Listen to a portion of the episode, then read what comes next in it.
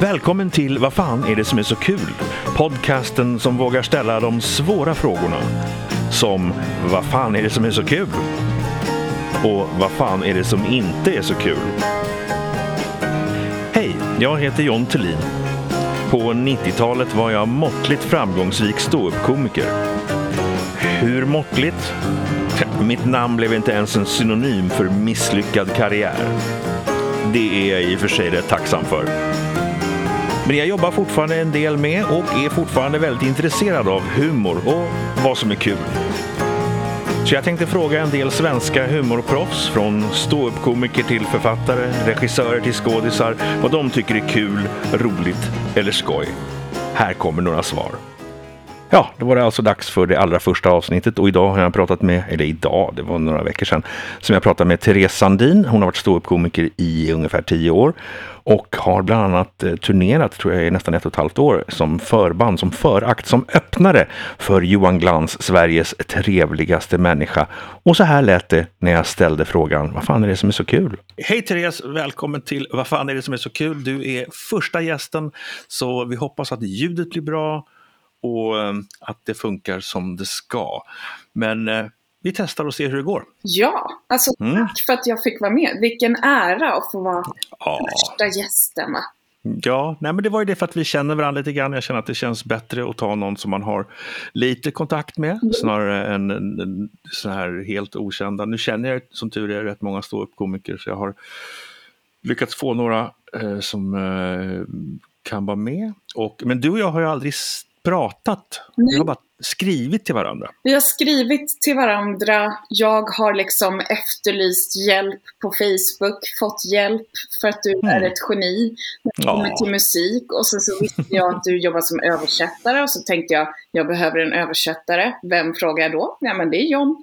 Mm. Det, ja, bra. Och det är uppskattat. Det var kul också. Det var kul och intressant. Det var, för de av er som inte vet, det vill säga alla, Ja. så hade Therese en föreläsning om inkluderande språk i, eh, i och med att Therese också jobbar som barnmorska. Så inom inkluderande språk inom eh, vad heter det? Alltså det var en Förlossning, förlossningsvården. Precis, förlossningsförberedande föreläsning eh, Mm. med inkluderande språk. Mm, mm, just det.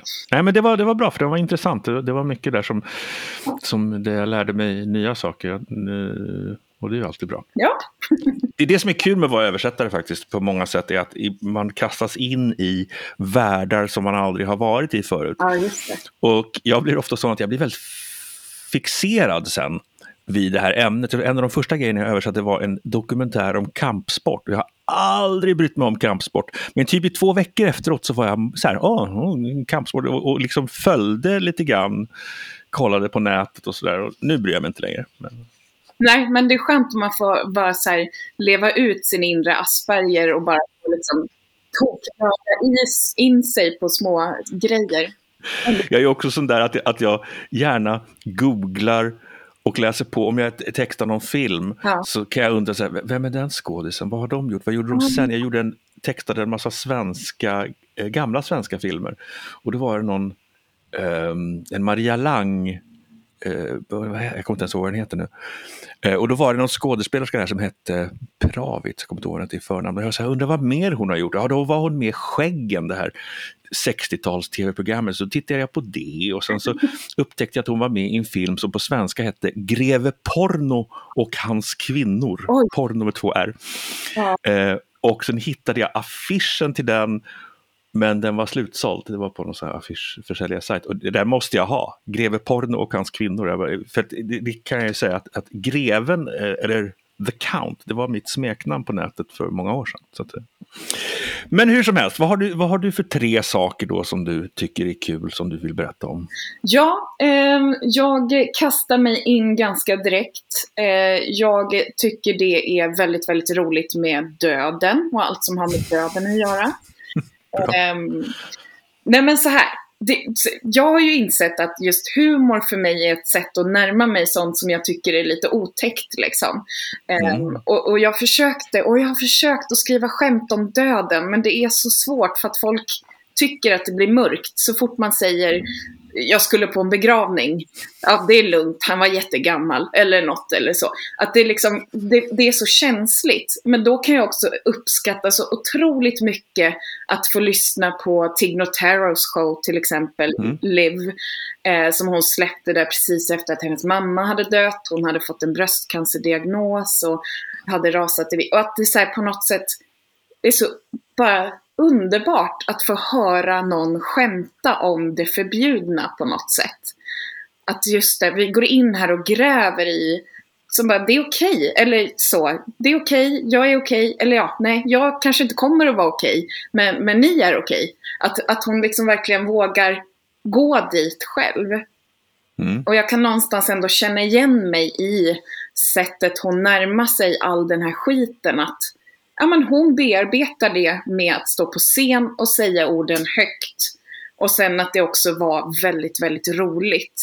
Så att det är en sån här riktig, åh, jag älskar Ja, ja men det, det, det är en bonus om det är kul. För de av er som inte känner till Tig Notaro, eh, för att ni inte är humorfantaster utav de som lyssnar, kan jag säga att hon är med i Star Trek Discovery. Just det. Mm. det var Som jag inte ser på av olika skäl. Men, men eh, Nej, jag har inte någon koll alls. Men det var ju lite otippat eh, ändå Mm. att det var en sån grej hon gjorde. Men fantastiskt rolig stand-up-komiker i alla fall. Eh, det är hon absolut. och den här Liv finns ju, om man vill lyssna på den, så finns den på Spotify. Men hon blev ju kul tycker jag i och med att hon, eh, i och med att hon hade cancer. Mm. det låter jättekonstigt men, men att hon hade eh, en show där, som spelades in lite grann hipp som happ. När, när, det var inte meningen att den skulle spelas in. Nej. När hon pratade om sin cancer och att ha opererat bort ena bröstet eller vad det var och sådär. Och att någonstans där så hittade hon sig själv som komiker tycker jag. Ja, men absolut. Och det kan jag hålla med om. För jag visste nog inte jättemycket om Tig Notaro innan det. Hon hade dykt upp i någonting och man har sett henne i någon biroll i någon serie och någon film. Mm. Det var verkligen då som jag sa, shit, just det, Mm. så här kan man göra stand-up. På något sätt. Ja, och det är ju fantastiskt om man kan göra det. Det var väl det i, i introt till det här programmet så säger jag att jag var måttligt eh, framgångsrik ståuppkomiker och det beror ju mycket på, tror jag, att jag aldrig var ärlig. Liksom. Nej, du, Jag, aldrig, jag pratade inte från mitt eget hjärta, utan det var liksom... Jag drog vitsar. Nej, Ja. det var kanske inte riktigt så illa, men, men nästan. Ja. Och jag är ju Så- så. Jag tycker ju om att gräva där det känns. Mm. Jo, och det, det, det tycker jag är... Det är någonstans då det, det blir någonting på riktigt. Och det är klart att det är kul med skämt. Det är kul med, jag är alltid imponerad av komiker som kan skriva bra skämt. Ja. Som kan skriva liksom ett skämt och sen en topper på det, det vill säga, och för de av er som inte kan eh, jargongen. Så alltså en topper är när man har ett bra skämt och sen har man en grej till efter det. Som, Det är alltid imponerande. Precis, man förlänger skratten genom att Mm. inte ge publiken en chans att hinna landa och bara pow, pow, pow. Precis. Och det, det kan jag alltid vara så här oerhört imponerad av. Ja. Ehm, men ja, okej. Men nummer ett, döden. Det är bra. Det, det, den, första, eh, den första i första avsnittet är döden. Det Ja, men jag kände ändå att det var, det var en bra grund och liksom så. Eh, sen Mm. gillar jag ju väldigt torr brittisk humor. Jag gillar det här mockumentary, eh, mock, Mm. gud jag kan inte säga, mockumentary. Mockumentär. Ja, men exakt. Eh, typ så här uh, The Office när det kom. Helt fantastiskt. Den brittiska med Ricky Gervais. Som är torr, eh, gränslös, inte fattar var gränser går. Ehm, sen älskar jag ju också Spinal Tap. En klassiker för er som Mm. inte har sett. Hur Ja, precis. Alltså- Det var ju den som... Det här är intressant. Det, eh, det gjordes ju en brittisk... Jag vet inte om du har sett en Bad News? Alltså de här The Comic Strip som var... Ja, lite grann Young Ones-människorna och lite andra. Nej.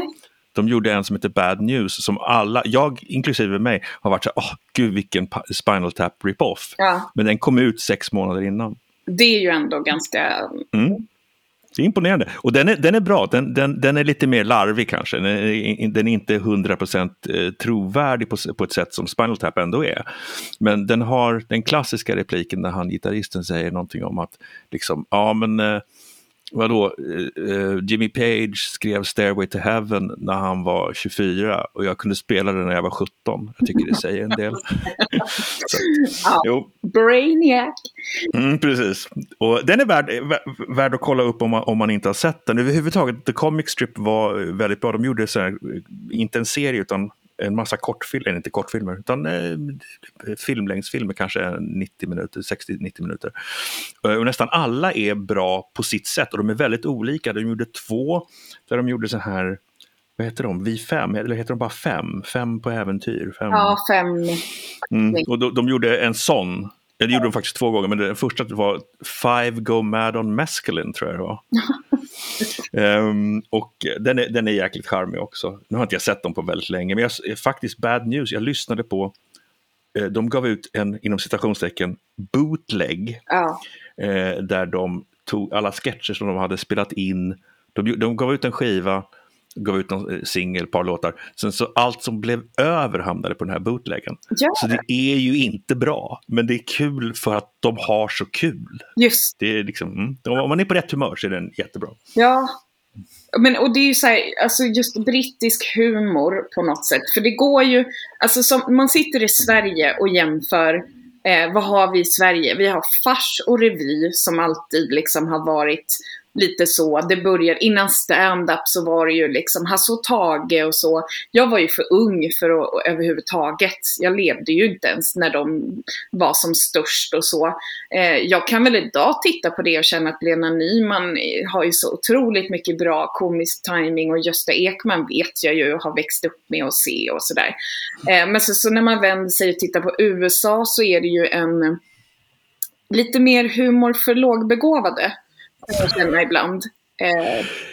Jag vet inte vem det var som sa det nu, nu försöker jag komma på, det var någon brittisk komiker som sa det att liksom, generellt så är amerikanska komiker just så här, liksom, eh, för lågbegåvade, liksom, de, är, de är sämre. Den, den, den, eh, generella nivån i England är högre, men de bästa amerikanska komikerna är bättre än några ja. av de bästa brittiska komikerna. Och det tycker jag stämmer på något vis. Ja, men det är just också när man tittar på en film som är gjord för att dra in mycket pengar, gör man också skämten väldigt tydliga.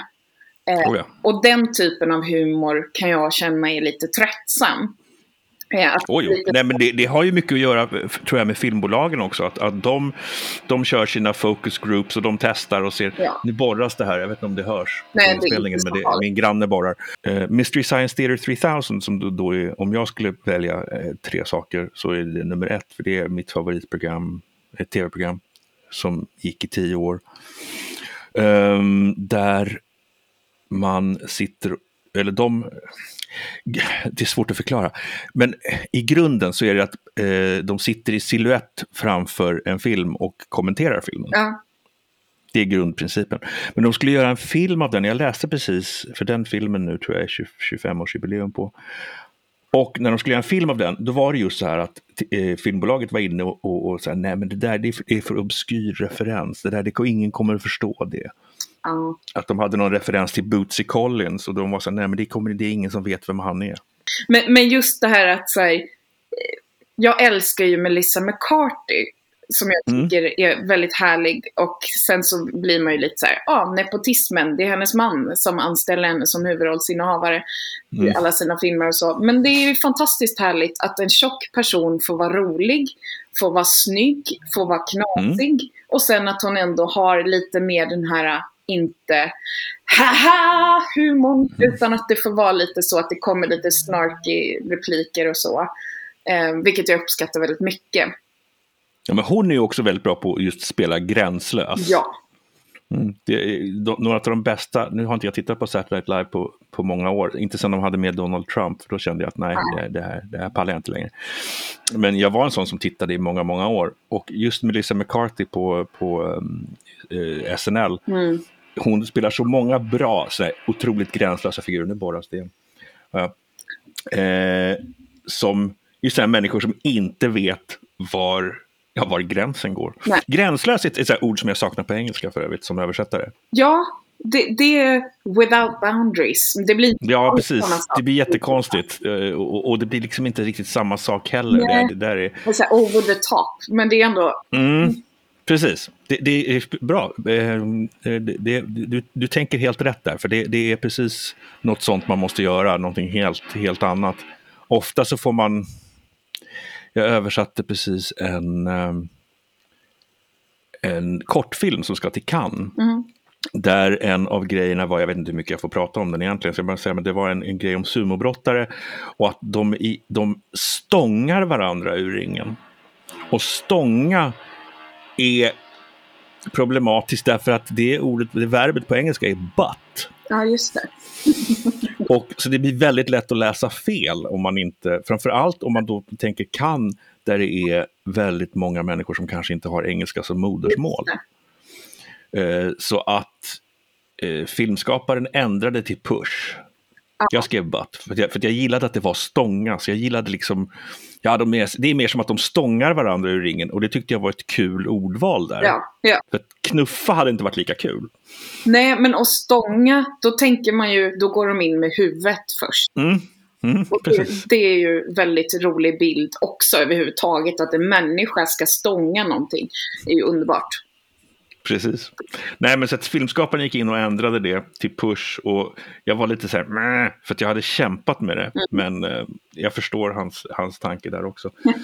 Det, det där är ju problemet med om man översätter att eh, liksom, om man kommer 90% på vägen till exakt vad det är, då har man lyckats. För det, det är aldrig hundraprocentigt. Ja, det finns enklare uttryck och sånt där som är... Ja, men det är ju svårt också. Och det var ju lite så här, eh, ja men som den filmen som, som vi jobbade tillsammans med. Det är ju också så här, ja då ska det vara tillgänglig engelska, men tillgänglig medicinsk engelska är inte så himla enkel att använda Nej. På något sätt. Att det finns liksom inte de här lite lättare orden som man kan luta sig mot lite på svenska. Eller så handlar det om att jag inte har pratat den, den typen av eh, medicinsk. Nej, men du, du har helt rätt. Det där är något som jag observerade långt innan jag blev översättare. Att liksom på engelska, till exempel hjärnhinneinflammation, Ja. som då är på engelska är eh, spinal meningitis. Ja. Och då finns det inget enklare ord för det, utan det är det det heter. Ja, Och det är ganska vanligt där på engelska att, det finns, att de medicinska termerna är de som gäller. ja. Um, men vad var det jag tänkte på? Det var någon, när jag låg inne på sjukhus i Sverige, så var det någon som frågade mig om att kasta vatten. Och jag bara, det är tur att jag är, tur att jag är svensk som förstår vad han menar. För jag kan tänka mig att om man är invandrare eller inte är så bra på svenska så är det att kasta vatten. Bara, Vadå, nej, varför ska jag kasta Nej, vatten? för? ju- Vad, vad fan tänker du på? Har du, eh, har du uppträtt på engelska någon gång? Ja, det har jag. Eh, Mm. Jag har varit en del, jag har ju varit i New York, eh, jag har varit i England, Skottland, Irland Oj, har jag varit. inte bara lite alltså? Nej, eller det var, jag hade en period i början när jag tyckte, jag har ju väldigt mycket kärlek till Irland och ehm, bara kom på att herregud, men då kan jag göra så att jag åker dit, tar mig in i komikervärlden där lite grann, så att jag har en anledning att fortsätta åka till Irland. Eh, så att jag körde lite på det. Jag åkte ju över till Irland så här, fyra gånger per år eller något. Och uppträdde några kvällar och så, så fick man ju kompisar. För att komiker är ju liksom så, bara vill ha Mm. något nytt i gänget liksom. Så att det var ju jättekul. Var det. Hur kände du att det gick? Eh, det var ju tufft i början. Det, det, det var väldigt så, det, det tog något gig. Varje gång man kom över dit så var det liksom, första gigget var inte bra. För att man var så himla uppe i sitt huvud med hur, och man är inte så spontan som man kan vara på svenska. Och det kommer liksom inte riktigt lika snabbt. Men sen efter några dagar när man har giggat så kommer det ju igång och sen man hänger med folk och liksom pratar mycket engelska och så. Och försöker dra upp tempot själv eh, i hur man tänker och så. Mm. har jag ju ganska så, jag, just språket är väl inte det största problemet utan det är mer spontaniteten och bara tillåta sig själv att säga knasigt så. Ja, jag förstår det. det jag, menar, jag pratar ju fly, flytande oaccenterad engelska, men lik förbannat de få gånger jag har uppträtt, jag uppträdde på engelska så var det jättesvårt. Just som du säger, att spontaniteten inte finns där. Man kan liksom inte bara eh, låta det eh, trilla fram, utan man måste Man måste vara förberedd på något vis. Ja, men och sen så är det ju också så här, referenser som inte funkar. Eh, det värsta jag har gjort, då var jag med i en så här panel show i Edinburgh Fringe. Eh, och då Mhm. visste jag, ja, och då hon hade skickat lite innan typ att vi kommer att sitta och så här, sp- spontana reaktioner på bilder som dyker upp fast här är bilderna och lite så. Och Då Mm. hade jag ändå fått förbereda mig men det var, och jag var så nervös och mådde så dåligt av att, av att liksom bara så, okej nu ska jag vara snabb, nu måste jag ta lite plats. Och så sitter det ju en massa andra komiker där som bara är jättebekväma med att ta mycket av den platsen. Men då var jag så stolt för jag fick till någon sån här jättesnabb, bara så här, nej men där är ju så, det var väl någon, någon bild på typ en husvagn som var jätteruff. Jag bara, men det där är ju mitt boende här i Edinburgh Fringe för att få alla liksom det är värdelöst att försöka hitta någonstans att bo och så. Så att det, Jo. det blev ändå kul, men just den här att man är så jäkla nervös. Så. Ja, ja, oh ja, det, herregud, jag kan inte ens tänka mig det. Ju- Just för att brittiska panelshow, alltså, det är ju också så, britter överlag är ju roligare Ja, än vad svenskar är. Det är liksom, de, de är ju snabba, de flesta av mina brittiska kompisar är väldigt roliga på ett sätt som jag kan bli sådär nästan ställd av. ja. Och det känner jag i Och då- Irland också. Mm. Förlåt. Jo visst, ja, men det, och så är det så. Jag menar, när, när man ser på, till exempel, jag har kollat mycket på, apropå brittiska panelshower, originalet till Bäst i test, Ja. som heter Taskmaster. Mm. Och den här säsongen, den elfte tror jag det är, så är, är ju Lee Mack med. Ja, Och han är så snabb. Eh, jag, jag kan bli helt förstummad över... Han är så snabb så att han ibland kommer med riktiga så här dad jokes som är jättedåliga. Men, men just för att han inte... Han har liksom ingen, eh, inget filter utan pang bom, rätt ut. Och ibland är det otroligt bra. ja. Det är ju också Och, det bästa som har hänt Sverige. Eh, när man började spela in Bäst i test med Babben och David Sundin. Det är liksom, varsågod svenska folket, här är någonting som typ alla kan tycka är kul. mm, Det är mm. Jo, nej, jag har bara sett första säsongen av den svenska och den, den var väl sådär. Men det beror ju på att jag mäter mot den amerikanska, eller den brittiska. Ja, och jag, Den amerikanska är ingen bra. nej, och jag har inte sett den brittiska innan jag började titta. Nu hoppade jag in, så att första säsongen jag har sett är den som går nu. Men jag satt i fredags med min kompis och satt och asgarvade och bara så här, är det alltid så här kul?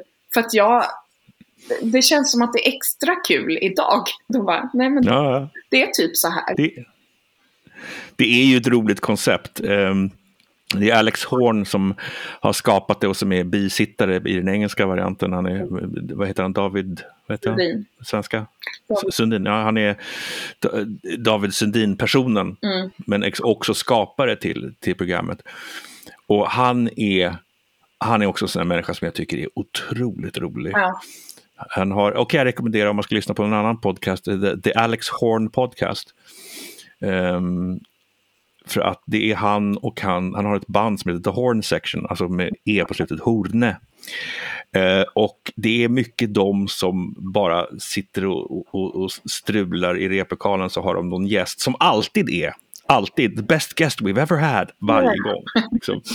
Det är väldigt kul. Ja. Nej men så att, um, Jo, jag ska väl kanske ge den svenska, eh, som sagt jag vet inte om första säsongen. Det kan vara att jag störde mig på Claes Malmberg. Liksom. Det, det, Det är ju rimligt. det, det kan det ha varit. Ja. Men jag tror att de har verkligen lyckats välja ganska... Ja, men en- det är en rolig mix med folk också. För det kan jag Mm. också känna att det- hade det varit någon i panelen som man stör sig på är det klart att det inte är lika kul att titta på. Nej, precis. Men senast var ju David Batra gäst, tror jag. Jag tror det var då. Och det är ju så. Han är ju väldigt eh, också så snabb och lite så. Ja, absolut. Så- Eh, Ja, just det. De kör med gästgrejen. För att i England så kör de bara, det är fem deltagare bara rakt av. Och så är det samma fem hela tiden. Ja, nej men de byter så att de i alla fall har en Mm. gäst varje avsnitt. Ehm, så att det blir Men det, det är bra också för då blir lag, eh, laguppgifterna inte, ja, jag kan inte tänka på lopsided, alltså blir de inte eh, sneda för att i, i den engelska varianten när de har laguppgifter så är det tre mot två varje gång. Ja, ja, ja. Och det är alltid lite sådär, då måste de kompensera på ett eller annat sätt. Ja. Ja, och nej, det tycker inte jag. Nej, jag hör dig. Eh, en annan sak som jag tycker är väldigt kul, det är Mm. ju eh, eh, djur, djurklipp på Instagram. Alltså knasiga katter, Eh, min absoluta favorit, hunden Walter Jeffrey som sitter och skriker i bilen. Eh, Okej. Okay. Då, då får man liksom gå in på Instagram för att kolla upp det här. Men de har ju klippt ihop klipp. För det första så är hon som har den här hunden väldigt rolig. För att hon kör ju också svar på tal. Och sen så textar hon och lägger in då vad som skulle vara kul om hunden menade när han satt och Ja, just det. Mm. Um, så att det är ju bara så här klockrent. Um, Walter Jeffrey the Frenchie heter hunden. Okej, okay. Eh, ska jag kolla upp. Och han, nu, bara för att du ska få höra ungefär. How's your 2021 going? Alltså det är hysteriskt. Men det funkar varje gång. Alltså jag sitter och asgarvar för att det bara är en hund. Varför skriker en hund? men det är helt galet. Jag kan varmt rekommendera, på reddit.com så finns det en subreddit som heter Animals being derps. Ja. Alltså D-E-R-P-S. Uh, och det det, det, är så mycket fantastiska grejer där med, med djur som uppför sig fånigt och ja, det är väldigt kul. Ja, och det är ju också, jag har ju två katter så att det här är ju liksom, och kattungen hon har ju inte riktigt koll på sin kropp och saker och ting. Så att det är väldigt så, jag, jag skrattar nog lite ofta åt henne men det, det får du ta, ja. Ja, det tycker jag. Det, det, det piggar ju upp. Eh, och det sägs ju att eh, Katter sänker blodtrycket, ja. så jag borde ju skaffa en. Ja. För min doktor tog mitt blodtryck förra veckan och hon sa helt genuint Oh no! bara, Nej, det här är inte sånt man vill höra. inte man vill höra av sin läkare. Nej, det var lite, lite oroväckande, men jag är, jag, jag är ganska, ganska lugn med det där i alla fall. Så okej, okay, något som anses vara kul men som du inte tycker är kul då? Adam Sandler. Nej men alltså, ja. hur många filmer ska vi behöva se när Adam Sandler pratar som en bebis?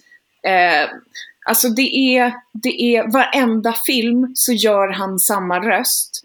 Alltså han har inte utvecklats någonting. Hans stand-up var också den rösten. Och han har liksom fortsatt. Det är återkommande i alla filmer. Och han bara förstör filmer som ändå skulle kunna vara väldigt bra. Jo, men det, det, är väl, man hittar något som funkar så kör man på det. Ja, men det är väldigt tråkigt. Vi har sett det i 20 år. Ja, jag håller med. Det, jag, är inte, jag, är inte, heller särskilt imponerad. Eh, men man ser ju att väldigt många av hans filmer, ja, de går väl hem antar jag, men väldigt många av hans filmer är ju mest han och hans kompisar som får åka någon vart och latcha lite. Ja, och Rob Schneider och det... dyker upp när man minst anar det. ja, precis. Han dyker inte upp någon annanstans. Han ja. är helt bortglömd förutom i Adam Sandler. Ja, ja, ja. Nej, men det... Och då blir man ju ändå så här, då blir man ju lite glad när man får se honom i filmer som eh, Funny People. Som ändå är lite mer drama, som handlar om en komiker som är totalt irrelevant och sådär. Och som liksom får vara lite mänsklig, precis som mm. första gången man fick se Jim Carrey i en seriös roll. Eh, att det liksom, ja men vad skönt att vi får se att du faktiskt inte bara kommer undan på att göra grimaser och ljud liksom. Jo, men det är ju så. Det har ju visat sig många gånger att eh, komiker är ofta rätt bra skådespelare mm. även på eh, mer, i mer seriösa roller. För jag tror att det är någonting i att vara komiker som gör att man förstår tonfall och timing på ett sätt som lätt går att överföra till drama. Det kanske inte gäller för alla, men jag, Adam Sandler, just det, Fanny, nej, vad, var det, vad hette den filmen? Adam Sandlers första seriösa film. Uh, där, Punch Drunk Love är det jag tänker på. Just det, men den var väl också lite indie, artsy. Mm, precis, absolut. Just det. Men den tyckte jag nog kanske ändå då att den hade någonting. Mm, absolut, nej, men det är en bra lite film. tillknäppta eh, kvinnan som spelar mot... Gud, jag får inte upp Emma Watson kanske? Aha. Nej, Emma något. Jag kommer inte ihåg vad hon heter. Nej, men i alla fall. Men den, den hade ju ändå ganska mycket som var långt ifrån Adam Sandler i Pie-film liksom. Mm, just det. Emily, Emily Watson, Emily. inte Emma Watson. Emma Watson är någon annan. Ja. Emily Watson. Jo, nej, men det var väldigt bra. Och han var bra i Uncut Gems. Eh, så pass att det snackades om att han skulle räkna med en Oscars-nominering för den, men det fick han ju inte. Nej. Och, och, eh, Och mycket får ju generellt inte det. nej, nej, precis. Det, eh, och eller, beroende också lite grann på faktiskt en annan film av samma filmskapare, eh, bröderna Safdie. De som gjorde Uncut Gems, de gjorde även en film med eh, Robert Pattinson, Mm. som ju då är känd från, från eh, Twilight-filmerna. Ja, eh, som hette Good Time, tror jag den hette. okej. Och det var också så här, jag, jag kan säga att det var en Oscarsvärdig prestation, men det är ju Robert Pattinson från Twilight-filmerna, så han kommer inte få något sånt. Ja, Och nu spelar han Batman, så det, det är ju... Ja. Ja, nej, men han är förvånansvärt bra. Men, nej, men Adam Sandler, det är ju det som är nästan det värsta tror jag med, med det här som du säger, det här att han har sin, eh, sin larviga ton och där, det är att han faktiskt kan spela bra Ja. om han vill. Men å andra sidan så, ja, nu är det ju hans produktionsbolag som gör många av de filmerna som läggs upp då på Netflix. Eh, det samarbetet de har gjort. Och då blir det ju självklart att, ja, vad gör jag bäst och vad kan vi göra billigast eller så. Ja, men då blir det lite samma. Eh, han, han spelar lite lätt. Eh, funktionsvarierad. Eller, nej men alltså det är verkligen, Bara, Mm, vi fattar. Jo, exakt. Jag försöker gå på, han hade någon SNL-figur när han var eh, Opera Man, just det. det. Det var nog det enda på SNL där jag tyckte han var någorlunda rolig. Vad jag minns. Gud, det måste jag googla. Mm. Jo, nej, men det, det, det, det är jättelarvigt. Det är superlarvigt. Det är bara det att han, att han liksom säger allting som om han sjunger opera. Eh, Men jag tror nog att han gör den där rösten också. Av och till. I den, Ja. Faktiskt, nu när du säger det. Men eh, ja, det där är det värsta. När någon påpekar någonting för en som gör att man så här, jaha, ja just det. Just Och så kan man inte låta bli att märka det. det. Det finns ett band som heter Tindersticks och om ni gillar Tindersticks och vill fortsätta gilla dem så stäng av nu. därför, att, därför att sångaren i Tindersticks, eh, ska jag se vad han heter, han heter, jag kunde det förut, han är borta. Men i alla fall sångaren i Tindersticks, han låter som den här tecknade filmfiguren Droopy. I'm very, very happy.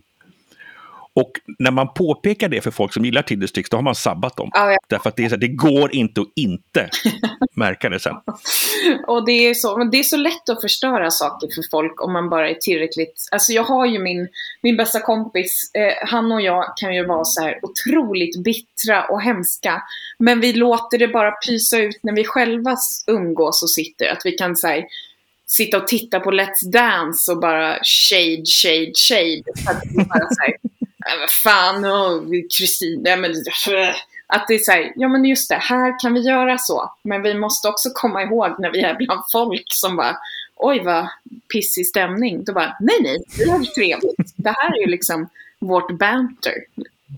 Det där har jag med min fru, att många tror att vi hatar varandra. För det finns ju många par som bråkar och tjafsar för att det inte är bra. Ja, Men, men, men vi är rätt, hon, hon är rätt tuff sådär, så, att, så att det, det blir ofta mycket, liksom inom citationstecken, tjafs. ja, Och det är okej, jag är van vid det. Det är liksom en del av våran jargong. Men ibland så får man inse när, när man gör det inför andra människor att liksom, nej, nej, allt är okej. Ja. Vi hatar inte varandra. Nej, nej, nej. Vi kommer inte behöva hjälp efter det här, utan så här.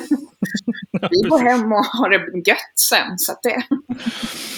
Ja, det. Och eh, Shade, för de av er som inte vet det, så är det från dragvärlden. Ehm, eller ja, jag vet inte om det kommer därifrån ursprungligen faktiskt. Men det används in, inom drag för, eller, eller queer-gay-världen. Om eh, när man talar nedlåtande om saker eller när man är lite elak. precis. Jag tror inte alla vet det. Nej, det nej. Det är bra att förtydliga. Jag är mycket för det att förtydliga när, när jag är konferencier så är jag alltid så här, om någon har ett konstigt namn som man kanske inte förstår, det, framförallt då i dragvärlden när det är eh, någon sorts ordvits eller någonting. Mm. Att man liksom, då, då är jag väldigt noga med att dels uttala kanske gärna stava ut det så att folk ska förstå vad man säger. För det är ofta det här jag ser just konferencier, så, och nu kommer Häftigt Melba! Man bara, Och så har man ingen aning. nej, för det första så är det ju också ganska dålig reklam för den som uppträder om man inte säger namnet ordentligt. Precis, exakt. Bara, hur ska jag hitta den här personen på Instagram? Den heter... Mm, mm, precis. Nej, det var, jag brukar titta på, det finns en engelsk komiker som heter Dave Gorman. Och han har ett program, eller hade ett program, det går inte längre, men som heter Modern Life is Goodish.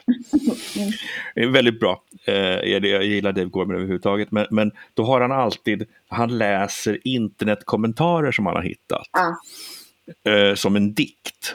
Och då är det alltid en stråkkvartett med som spelar bakgrundsmusik. Och jag tror jag har sett 30-40 avsnitt. Ingen aning om vad de heter. Han säger det varje gång. Ja. Men jag hör aldrig vad han säger. Tvungen att slå upp det till slut. Så, The Borman Quartet. Quartet hörde jag. Och det var ju det också när jag ståuppade, att på den tiden när jag började så stavade jag mitt namn J-H-O-N för att jag skulle vara unik eller något. Ja. Eh, och då blev det ju så att jag alltid blev presenterad som Jon Thelin. Och det, det hade jag ju ingen lust med. Nej. Så det var faktiskt därför som jag ändrade tillbaka till min lite mer vettiga stavning. ja, men det var, det var, Eje var inte med på i liksom scen... Nej, nej, utan det har kommit senare. Det, det kom faktiskt på Facebook. Ja. Det är min, min pappas eh, namn. Jag är döpt efter farfar och pappa. Mm. Så att, eh, och, och, eh, jag vet inte riktigt varför jag... Lite grann tror jag kanske för att hans gamla jazzkompisar ska kunna hitta mig. Ja. Jo, men det är ju jättehärligt att bara veta att, och låta det få leva vidare på så sätt. Att det liksom, Mm. Och det är ju ett kul namn tycker jag. Ja. Eh, Han hette han hette ju Eilert egentligen. men bytte till Eje. Och sen var han en människa som hade namnteckning som bara var hans förnamn. Äh. Och det var inte poppis, men han kämpade igenom Åh, jag liksom. det. Åh, Mm. det är ju, Mm. Carola skriver väl knappast Häggkvist om hon skriver en autograf. Det ja, nej men sånt där. Men du, det här är jättebra. Ehm, jag kanske pratar lite för mycket själv, men Nej, fan, det det, tycker jag inte. det, det, får vara, det får vara som det är. Eh, och som sagt, att börja med döden, det, det är jag supernöjd med. Eh, att liksom det för, allra första, jag är döden. Ja, Eh, Jag har länge gått vid din sida. Ja, eh, men då så. Tack ska du ha, Therese. Det var eh, oerhört trevligt att för första gången få utbyta faktiska eh, munord med dig snarare än textade eh, sådana. ja. Och ehm, som eh, sagt så uppskattar jag verkligen att döden var nummer ett. För att ehm, death is number one. alltid. Jag tyckte det var ett ganska bra ställe att sluta på. I senare avsnitt så har jag lärt mig att sammanfatta eh, vad som eh, har varit på listan, men det hade jag inte. Det här var ju första avsnittet. Jag, eh, jag flyger blint. Jag tror inte man säger så på svenska, flying blind, men jag, jag är lite osäker på exakt hur, hur det kommer att bli, vad formen kommer att bli, men det kristalliseras ut allt eftersom jag jobbar vidare på det här. Nästa vecka, den 24 maj, pratar jag med Magnus Bettner och veckan efter det med ingen mindre än Lasse Karlsson. Så, så det hoppas jag att ni ser fram emot, för det är ju jag. Det var roliga konversationer som jag inte har redigerat klart än, så det ska bli kul att lyssna igen innan jag lägger upp dem, slänger upp dem på nätet för er att lyssna på. Tack ska ni ha. Hej då, vi hörs om en vecka. Tack för att du lyssnade på Vad fan är det som är så kul? Jag heter John Thelin och det står jag för. Vad fan är det som är så kul är en supertrevligt produktion, spelas in i Studio Blauer Schädel i Berlin och redigeras av Ohejdad Vana. Exekutiv producent är Deborah Vought Thelin. Ja, det är min fru, hur så? Tumnagelbilden med de dragspelande hästarna är tagen av Dominic Vanji och titelmelodin är Vaccinated Mushrooms av Lalo Schifrin från hans klassiska skiva från 1968 Whole Lalo Schifrin Going On. Bägge används med benäget tillstånd. Vad fan är det som är så kul finns på Twitter som att vad fan podcast. Vad fan med det och sen så hela ordet podcast. Inte bara podd alltså.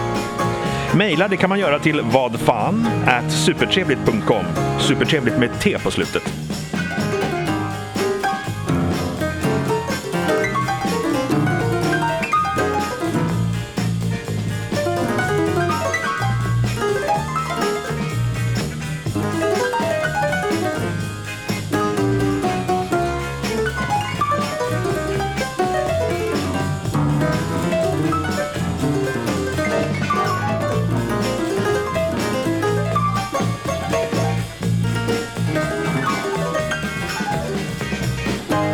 Som jag tycker är kul är just det där pianosolot. För det är en av bara två saker som Schifrin spelar själv på hela den här skivan.